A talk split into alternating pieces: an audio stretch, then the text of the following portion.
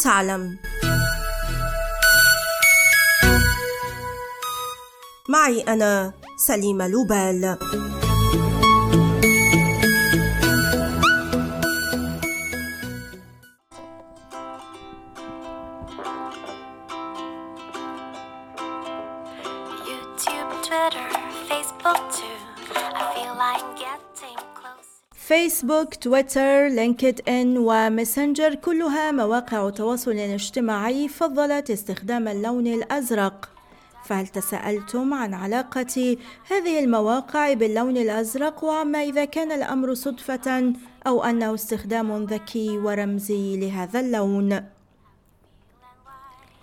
في الواقع لا علاقة لهذا بأي سبب علمي كما أن اختيار اللون لم يكن نتيجة دراسة تسويقية جدية. فمارك زوكربيرغ مثلا اختاره لونا لفيسبوك لأنه مصاب بعمى الألوان واللون الأزرق هو اللون الذي يستطيع تمييزه جيدا. اتبع الجميع فيسبوك حتى أن اللون الأزرق أصبح رمز مواقع التواصل الاجتماعي. وأما المواقع التي لم تختره مثل بنترست وإنستغرام وسناب شات فتؤكد جميعها أنها اختارت ألوانا مضادة للأزرق. يرتبط اللون الأزرق بالثقة والقوة الهادئة مقارنة بالأحمر الذي يرمز للجرأة والإثارة والأخضر الذي يرمز للسلامة والصحة والأصفر الذي يثير التفاؤل.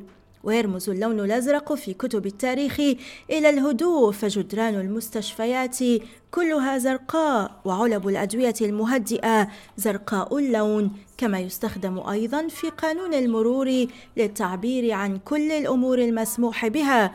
في السياسة اللون الأزرق هو لون الاعتدال والتوافق وهو لون لا يؤذي وإنما يجمع. وقبل مواقع التواصل الاجتماعي استخدمت الكثير من المنظمات الأممية اللون الأزرق في شعاراتها مثل منظمة الأمم المتحدة واليونسكو ومنظمة الصحة العالمية.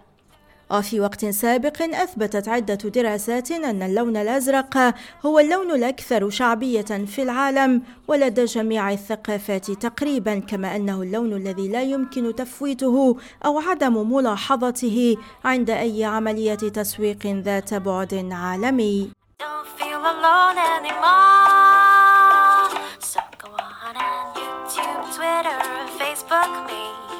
That's the way to get